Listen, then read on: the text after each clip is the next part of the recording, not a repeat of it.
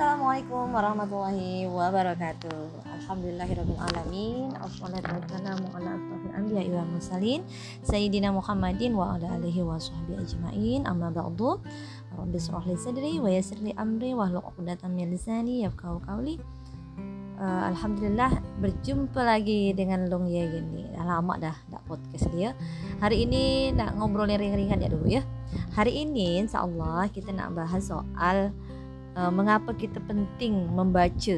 Nah, tapi membaca apa dulu? Nah, jadi misalnya kita nih udah uh, rajin dah nih baca Quran kan, misalkan karena memang Allah Subhanahu wa taala tuh perintahkan kita untuk bacanya di surah Al-Alaq ayat 1 sampai 5 misalkan diceritakan bahwa Nabi Muhammad menjawab lima kali bahwa Nabi Muhammad SAW itu tidak bisa membaca pada peristiwa uh, wahyu yang pertama ini. Kemudian datanglah wahyu yang mengajak ya Rasulullah untuk mem membaca. Rasulullah menjawab, "Apa yang harus aku baca?" Kemudian Rasulullah mendengar ada perintah untuk membaca.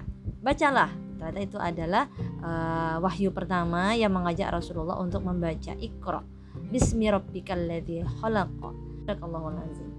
Jadi di sini kita tahu lah akhirnya gitu ya bahwa wahyu yang pertama itu adalah mengajak manusia untuk membaca. Nah, dalam konteks ini memang jadi maknai e, adalah terkait dengan membaca Al-Qur'an ya. Membaca Al-Qur'an ini ya adalah sesuatu e, yang kita mesti lakukan sebagai seorang muslim ya kan? Baik itu kita nak bacanya seorang ke atau kita nak baca, bacanya beramai-ramai ke nah itu memang dianjurkan ya kan? Kalau dalam Imam Nawawi bukunya Imam Nawawi mengatakan dalam kitab Riyadus Shalihin itu ya bab keutamaan majelis zikir. Itu adalah uh, sunnah untuk mendatangi majelis tersebut. Dizikir dia dia baca Al-Quran dan sebagainya gitu ya.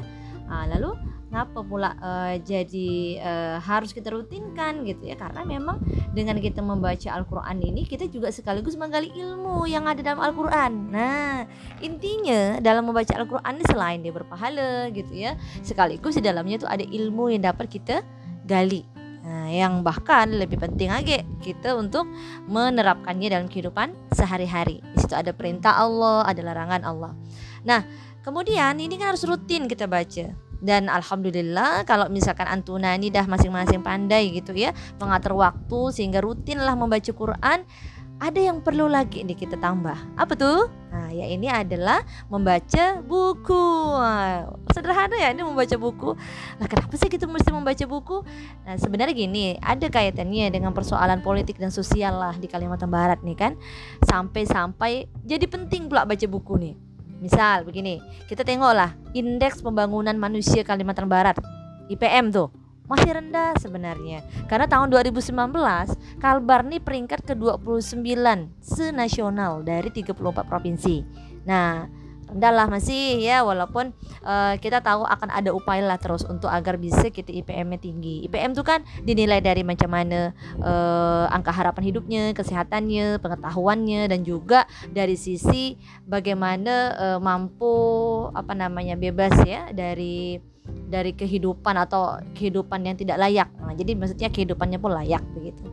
Lalu kita lihat nih misalkan angka putus sekolah itu juga masih tinggi ya kalau provinsi Kalbar sendiri merilis di tahun 2017 misalkan itu masih ada 2813 anak yang putus sekolah sayang kan nah lebih banyak itu di tingkat SD katanya yang putus sekolah jadi perlu perlu difikirkan gitu ya. Kalau putus sekolah maknanya ya jangan sampai lah gitu ya berhenti membaca. Tapi pada umumnya mungkin jatuh kepada kepada pilihan bahwa mereka itu akhirnya memilih untuk bekerja gitu ya. Uh, lalu persoalan lain misalkan kunjungan ke perpustakaan tuh masih rendah ya. Perpustakaan kita di di Kalimantan Barat nih banyak bahkan di setiap uh, kota provinsi eh, di kota kabupaten gitu ya itu pasti ada dinasnya ya untuk memiliki dan mengelola uh, perpustakaan. Bahkan punya taman baca taman baca sampai ke tingkat kecamatan. Nah itu ya. Uh, lalu misalkan juga ada problem lain ya misalkan mungkin buku yang tersedia tuh terbatas yang dibutuhkan masyarakat tuh apa gitu ya ternyata yang tersedia tuh pun terbatas gitu. Jadi persoalan juga gitu ya. Dan juga bagi kita nih terutama yang emak-emak nih ibu rumah tangga, walaupun kita tuh tidak bekerja bukan berarti kita tidak membaca buku. Karena apa? Kita perlu ya tetap untuk memiliki menggali ilmu ya dari buku-buku bacaan kita gitu. Nah, kemudian yang lebih harus kita cari ini adalah buku Islami sebenarnya. Buku Islami ini masih perlu ya untuk kita perbanyak kita baca. Walaupun nanti kita lihat mungkin kesediaannya sedikit. Lalu kemudian yang ada pun mungkin masih perlu kita teliti gak kebenarannya. Siapa tahu gak buku Islam itu ternyata mengandung nilai-nilai uh, Islam tapi ternyata ada aliran sesat di sana ada pemikiran yang salah di sana ya. Itu juga harus kita hati-hati kita harus perhatikan. Lalu kemudian tradisi membaca nih sekarang kan udah agak lemah ya karena memang sejak ada gadget handphone ada e-book misalkannya ya. Uh, tapi kan dengan kita tuh uh, menggalakkan lagi membaca buku gitu ya. Itu sebenarnya bagus. Itu belajar via paper. Hanya melihat uh, kertasnya tapi akan lebih sehat bagi matanya gitu ya. Anti radiasi kemudian dengan kita membaca kertas itu ya kita juga uh, tidak terpaku pada suatu alat gitu ya yang yang apa namanya yang di situ bisa banyak aktivitas. Situ gak ada tiba-tiba notifikasi WA lah notifikasi uh, email lah segala macam kan mungkin bisa mengganggu gitu ya dalam kita proses membaca dengan serius. Nah itu. Jadi balik ke uh, paper lah balik ke buku bacaan yang berbentuk buku gitu ya.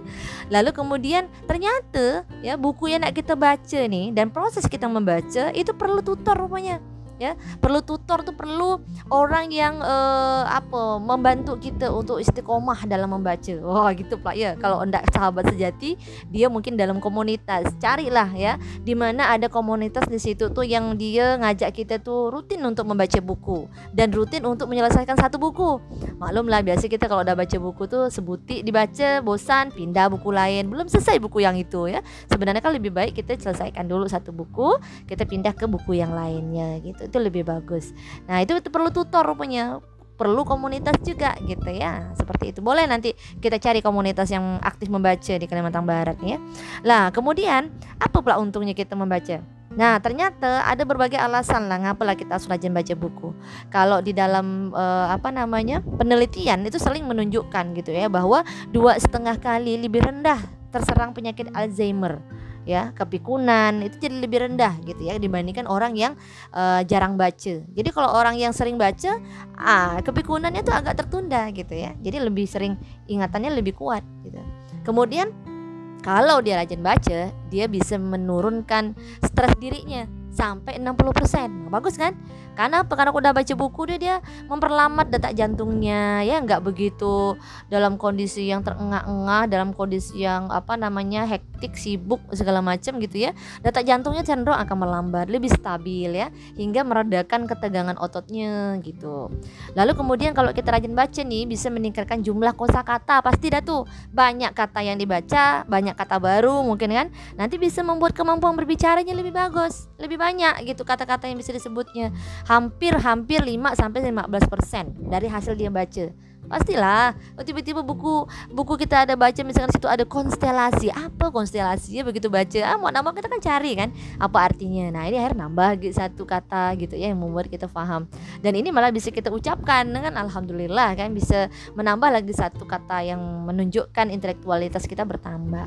Nah, lalu yang pasti nih ya, kalau kita rajin baca kan nambah tuh wawasan pengetahuan Nah, jadi bisa mengembangkan kapasitas diri kita lah, apalagi zaman terus berkembang, kita perlu informasi yang lebih banyak gitu kan. Nah, lalu kita rajin baca nih juga akan memiliki pemikiran yang luas sehingga bisa menjadi pribadi yang terbuka terhadap perbedaan cara pandang. Nah, kita bisa mengenal uh, apa namanya berbagai sudut pandang dalam berpikir gitu. Nah, berikutnya ada Ki, kalau kita rajin baca tuh bisa meningkatkan kemampuan berpikir analitis. Oh, bukan nggak harus jadi peneliti enggak, tapi justru untuk membuat kita tuh pandai analisis sesuatu gitu.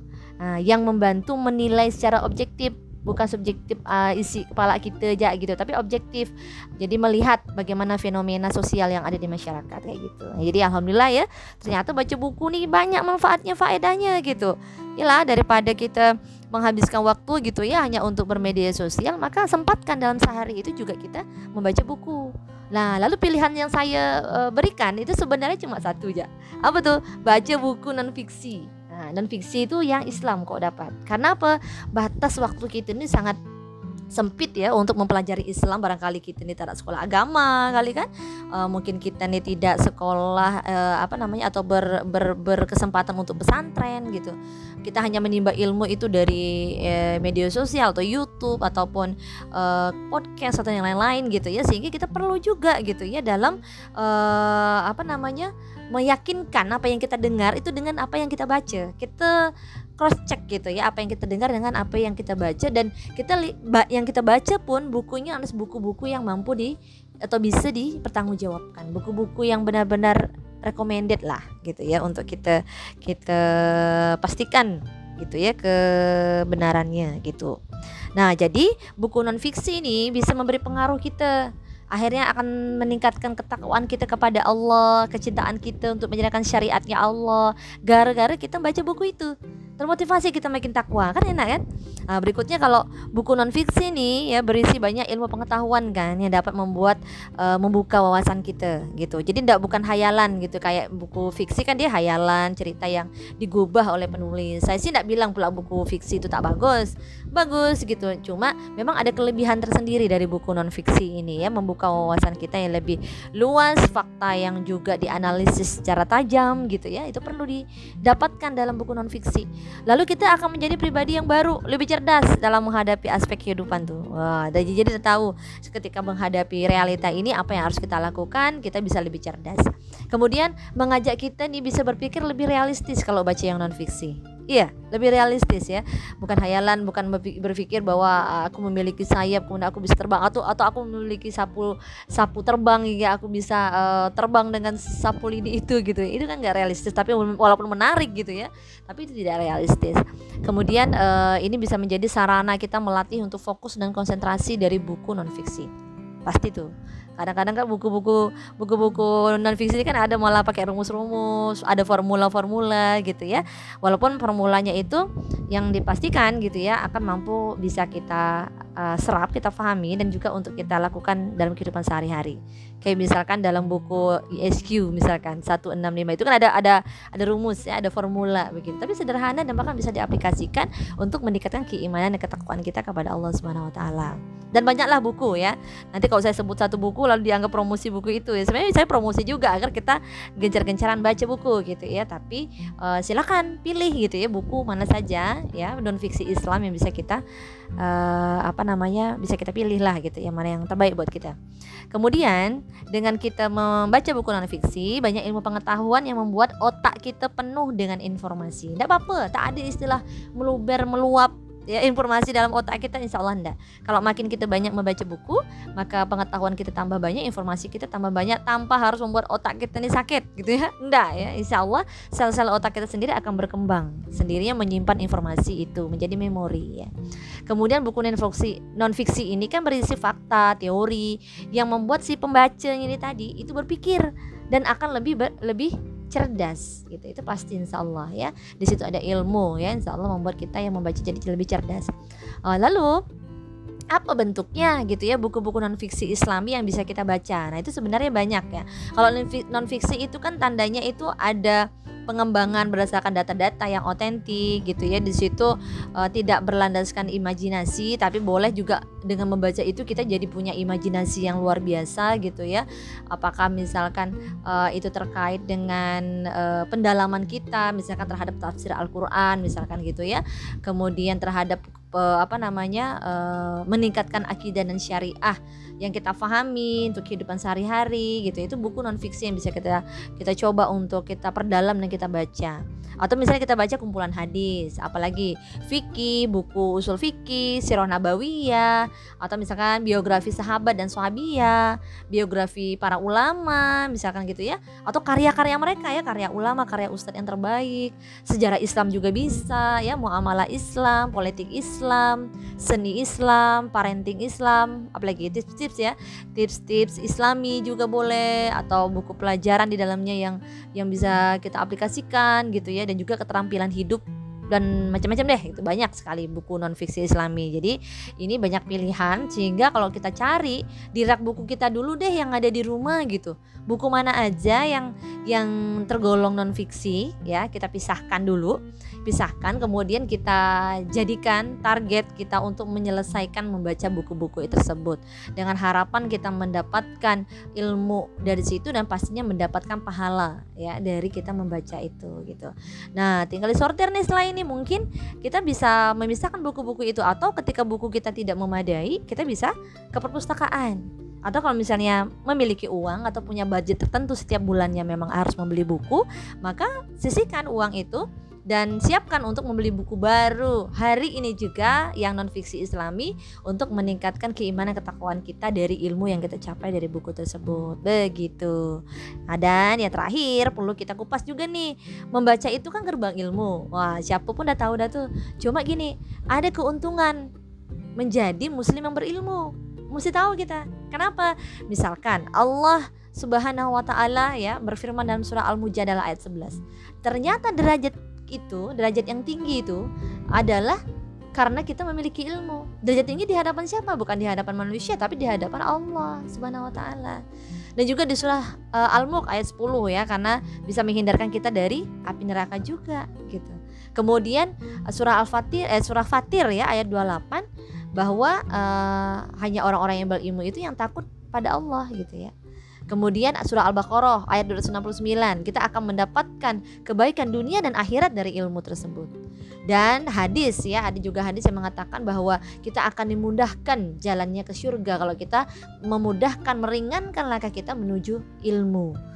Dan juga jangan lupa kalau kita wafat maka pahala yang termasuk kekal adalah ilmu yang kita miliki. Masya Allah, ternyata luar biasa ya. Kita ini sekarang harus menjadi bagian yang berkontribusi bagi peningkatan kecerdasan uh, daerah kita, gitu ya di Kalimantan Barat. Uh, orang-orangnya cerdas, orang-orangnya rajin baca, orang-orangnya berkualitas dan juga yang pasti gitu ya dengan membaca dan kita membaca non fiksi islami maka akan membuat kita lebih bertakwa kepada Allah Subhanahu wa taala dan menjadikan kita berkepribadian Islam dengan memiliki ilmu yang mumpuni untuk diterapkan di sehari-hari kita. Gitu aja mungkin ya. Dari saya mudah-mudahan kita dapat jumpa lagi dalam uh, momen berikutnya gitu ya bahas apa lagi gitu. Yang jelas mari kita mengazamkan hari ini juga kita harus menjadi pembaca buku non fiksi islami yang istiqomah. Amin. Takbir dulu lah ya. Allahu Akbar. Nah pasti kita bisa. Demikian mohon maaf atas segala kekurangan. Wassalamualaikum warahmatullahi wabarakatuh